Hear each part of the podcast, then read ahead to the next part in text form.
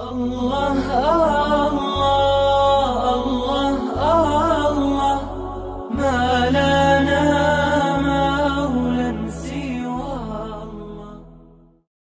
Ahlan selamat datang buat teman-teman semuanya yang pada malam ini kita bisa kembali berkumpul di suasana cuaca yang cerah alhamdulillah. Sehingga di depan teman-teman bisa nongkrong sambil menikmati sajian hidangan Allah Subhanahu wa taala. Dan hidangan Allah Subhanahu wa taala adalah ilmu dan hikmah. Jadi makanan yang kita butuhin itu bukan cuman makanan fisik. Gizi ataupun vitamin, nutrisi yang dibutuhin oleh seorang hamba itu bukan hanya nutrisi fisiknya berupa makanan, minuman, obat, herbal, sayur segala macam. Tapi juga semua kita membutuhkan nutri, nutrisi hati. Lebih jelasnya lagi nutrisi iman. Karena yang menjadi lemah bukan hanya tenaga kita. Tapi iman kita juga bisa menjadi lemah. Yang menjadi futur atau ngantuk bukan cuma mata kita, tapi basirah kita juga bisa menjadi ngantuk. Yang menjadi lupa bukan hanya akal kita, tetapi juga zikir kita juga bisa menjadi lupa. Makanya kita butuh nutrisi atau maidatur rahman, hidangan Allah Subhanahu wa taala yang berbentuk hikmah dan ilmu sebagaimana kita butuh juga uh, hidangan nutrisi untuk kebutuhan fisik kita. Walaupun memang kita nggak perlu nutrisi, nggak harus bukan nggak perlu ya, nggak harus memberi nutrisi hati kita dalam bentuk kajian ilmu setiap hari tiga kali misalnya. Nggak harus sih, kalau bisa lebih bagus, tapi nggak harus. Karena nutrisi hati ini bisa kita dapetin bukan cuma dengan duduk dalam majelis ilmu, bukan hanya duduk di dalam tongkrongan hikmah, tapi juga bisa kita dapetin dengan tilawah Al-Quran. Kita juga bisa dapetin itu dengan zikir. Zikir sesuai dengan masalah kita. Karena zikir kalau nggak sesuai dengan masalah tetap berpahala, cuman kurang berasa. Kayak kita lagi nggak uh, apa lagi lagi lagi lagi haus tapi minumnya bukan air putih. Minumnya misalnya kayak kopi gitu ya. Kalau teh tawar masih mending lah. Haus tapi minumnya kopi atau minumnya minuman minum, minuman yang berwarna. Jadi kayak belum memenuhi dahaga haus kita. Padahal kita lagi ha lagi haus. Kalau kita lagi kayak agak pusing oke okay, minum kopi Nggak semua juga sih ya. Itu mas saya. Kalau pusing ngopi misalnya. Kalau haus minum air e, putih. Kalau misalnya kayak lagi manja minum susu gitu.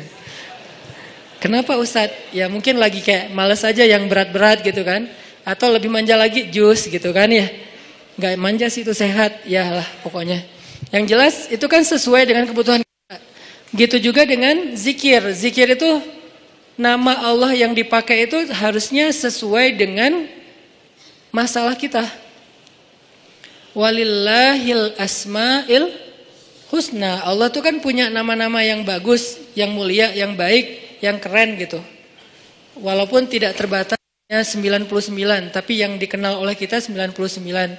Maka fad'uhu biha, maka berdoalah kepada Allah, panggillah Allah. Ud'u itu panggil. Ud'u ila sabili rabbika atau dakwah itu panggilan, memanggil. Berarti fad'uhu biha, panggillah Allah dengan nama itu. Jadi nggak harus selalu kita manggil Allah, ya Allah, boleh. Tapi ditambah juga misalnya ya Jabbar. Panggilan buat siapa? Panggilan Allah, tapi buat memanggil Allah buat orang yang lagi apa? Yang lagi sakit hati. Pernah manggil ya Jabar pas lagi sakit hati? Makanya sering sakit hati. Jabar itu panggilan untuk orang yang lagi sakit hati, habis dikecewain. Dikecewain oleh apa? Banyak lah, tergantung circle kehidupan kita ya. Ada yang circle-nya lebih ke main, berarti disakitin sama gengnya. Ada yang circle-nya lebih ke romantis-romantisan, disakitin oleh mantannya. Ada yang circle hidupnya seputar masalah kerja, disakitin oleh vendornya, oleh partnernya, oleh teman bisnisnya. Soal circle family life kita disakiti oleh keluarga, anak, orang tua, pasangan, dan seterusnya gitu kan. Yang jelas ketika kita merasa disakitin, ketika kita merasa kayak dikecewain, panggillah Allah. Sebelum kita memanggil netizen. Kan kita suka manggil netizen dulu ya. Posting, update status, story. Terus storynya tuh curhatnya minta respon lagi tuh. Dengan kasih polling lah. Dengan request lah gitu kan. Eh baiknya gue putusin atau enggak ya request gitu. Semuanya putusin terus dia bingung. Ah gimana ya gimana ya. Nah sebelum kita istisyarah kepada netizen. Karena netizen itu istisyarah bukan istifta, bukan istikharah. Yang paling tinggi itu kan derajatnya dari tiga level. Meminta pendapat nomor satu tuh istikharah, minta pendapat Allah. Kedua istifta, minta pendapat ulama, orang yang berilmu. Ketiga istisyarah, minta pendapat orang yang lebih bijak dan berpengalaman termasuk kepada teman kita atau followers kita atau geng kita itu istisyarah. Sebelum kita istisyarah netizen, ya ayuhal netizen, sebelum kita pakai kalimat itu atau ya ustaz bahkan sebelum ustaz, ya kiai, ya syekh, maka ya Allah. Panggil Allah Subhanahu wa taala. Manggilnya gimana Ustadz? Salah satunya selain kata Allah pastinya karena itu kalimat yang paling mulia, kita juga bisa manggil tematik. Ya Jabbar. Ya Jabbar itu bisa dua. Sebetulnya tiga maknanya Jabbar, tapi yang lebih common itu dua. Satu, dipanggil untuk masalah-masalah yang sifatnya apa ya, bukan hanya besar, tapi kayak kekuatan. Misalnya kita ngedoain musuh-musuh Islam, اللهم عليك بأعدائك أعداء الدين. اللهم عليك بالكفار. اللهم عليك بالظالمين. Ya Allah kami serahkan kepadamu orang-orang zalim itu, gitu kan? Orang-orang zalim. Baru kita mengatakan, "Ya Jabbar." Pasangannya biasanya, "Ya Kohar." Ya Jabbar, ya Kohar. Arti Jabbar dalam konteks itu yang perkasa, yang memaksa, ya Kohar yang menaklukkan, sehingga dipakailah kalimat Jabar, Kohar, Aziz, kan kata-kata yang nama-nama yang yang apa? Yang perkasa gitu untuk doa-doa yang sifatnya biasanya dipakainya dalam kondisi terzolimi. Ini doa-doa orang yang terzolimi. Kayaknya nggak perlu dihafal juga sih. Bukan nggak perlu dihafal, nggak perlu dipakai. Kenapa? Berharap kita tidak mendoakan orang yang zolim. Kecuali yang dizolimi dalam urusan agama. Kalau dizalimi urusan pribadi sih, mending jangan menzalimi, mendoakan orang yang menzalimi. Kenapa? Rugi. Mending doain diri sendiri. Ketika kita punya kesempatan doa kita diijabah, jangan kasih doa itu untuk orang lain, rugi. Walaupun bentuknya mendoakan atas keburukan, tetap rugi. Mending kita pakai buat doain diri kita sendiri. Ya Allah, saya lagi dizalimin. Mudah-mudahan, nah gitu kan?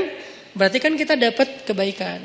Ya Jabbar, itu panggilan orang yang sedang sakit hati. Jadi satu artinya untuk orang yang lagi dizolimi, satu lagi untuk orang yang lagi hatinya kayak sedih, kayak disakitin, nggak sebesar zolim sih, cuman ya lumayan lah, bikin nggak bisa tidur, bikin tumbuh jerawat gara-gara itu, gitu kan ya, karena stres, terus bikin apa uh, apa nambah uban, walaupun ada yang uban itu karena bijaksana, cie ditutup. Jadi intinya adalah panggil Allah kalau kita lagi sakit hati dan dikecewain. Ya Allah, ya Jabbar. Salah satu doa minta disembuhkan kecewa dan sakit hati di dalam sholat adalah Rabbi firli warhamni wajburni. Kalimat wajburni. Selama ini kita baca enggak? Kan? Tahu artinya? Hampir. Apa arti wajburni? Bukan paksa aku dong Allah, enggak. Padahal arti jabar juga yang memaksa kepada kehendaknya. Tapi kalimat wajburni makna jabar di sini makna yang ketiga di antara tiga makna jabar yaitu yang apa mengobati sakit hati. Jadi ketika kita berdoa, Rabbil firli, warhamni, wajburni, warfa'ni, warzukni, wahdini, wa'afini. Banyak banget ya. Luar biasa kita ya. Jadi kalau kita sholat aja tuh kita udah minta banyak hal ke Allah. Makanya pas berdiri, pas duduk itu jangan buru-buru. Rabbi, Allahu Akbar. Apaan? Malaikat juga bingung. Rabbi, Rabbi apa? Kamu dengar nggak dia doa apa? Enggak. Oh kirain aku doang yang salah dengar kata malaikatnya. Jadi kita kayak nggak jelas gitu minta ke Allah. Robbi udah gitu sujud karena terlalu buru-buru nggak ada tumak ninah, nggak ada tenang, nggak ada berhenti sebentar. Makanya Robbi firli warhamni wajiburni. Bagian wajiburni kalau bisa di kayak gimana gitu. Kayak agak menghayati dan kayak perasaannya dalam banget gitu. Wajiburni. Tapi nggak gitu juga sih dalam sholat bahaya bid'ah, syubhat menyambar-nyambar. Intinya teman-teman Wajiburni itu artinya kalau kita terjemahin sembuhkanlah sakit hati saya. Atau bahasa lain juga bisa diterjemahin hiburlah aku ya Allah. Aku lagi sedih nih. Kalau kita ke gitu ya, eh hibur aku dong, gue lagi sedih nih. Ya udah yuk kita main, ya udah yuk kita jalan, ya udah kita kita nonton, ya udah kita uh, ngopi, ya udah kita makan, ya udah apalah terserah. Yang jelas kita ngadu ke dia minta dihibur pas kita lagi sedih. Nah, cara ngadu ke Allah pas kita lagi sedih supaya dihibur oleh Allah, wajibur nih ya jabar. Itu bisa dibaca di dalam sholat, bisa juga dibaca di luar sholat. Gak apa-apa dalam sholat baca, di luar sholat juga baca. Bahkan di luar sholat kita bisa ulang-ulang. Wajibur ya jabar, wajibur ya jabar. Ya Allah, eh, hibur aku ya Allah, hibur aku ya Allah. Aku lagi sedih berat nih. Udah seminggu aku gak buka Instagram ya Allah. Curhat. Kenapa? Komen. Speed apa head speech ya Allah. Eh, ya Allah, aku udah seminggu gak lihat grup. Ya Allah, aku udah seminggu gak buka handphone. Lebih parah lagi kan? Berarti bermasalah di akun sosial media, bermasalah di grup, bermasalah di nomor kontak, bermasalah di SMS, semua bermasalah. Ya Allah udah seminggu aku nggak buka handphone, hibur aku, aku lagi sedih banget gitu. Nah minta ya Jabar, waj, uh, wajibur nih ya Jabar, wajibur nih ya Jabar. Ntar Allah akan hibur kita. Hiburan Allah lebih baik daripada hiburan yang diberikan oleh makhluk. Hiburan makhluk itu kadang-kadang modal. Kalau nggak modal di awal, modal di akhir. Modal di awal dia ngajak nonton kita yang bayar. Dia ngajak ngopi kita yang bayar. Kalau modal di akhir dia bayar tapi nanti dia pamrih.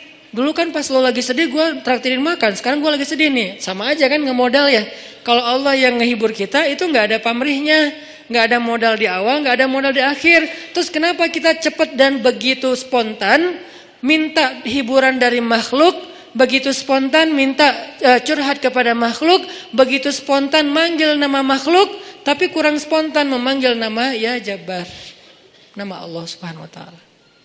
Allah Allah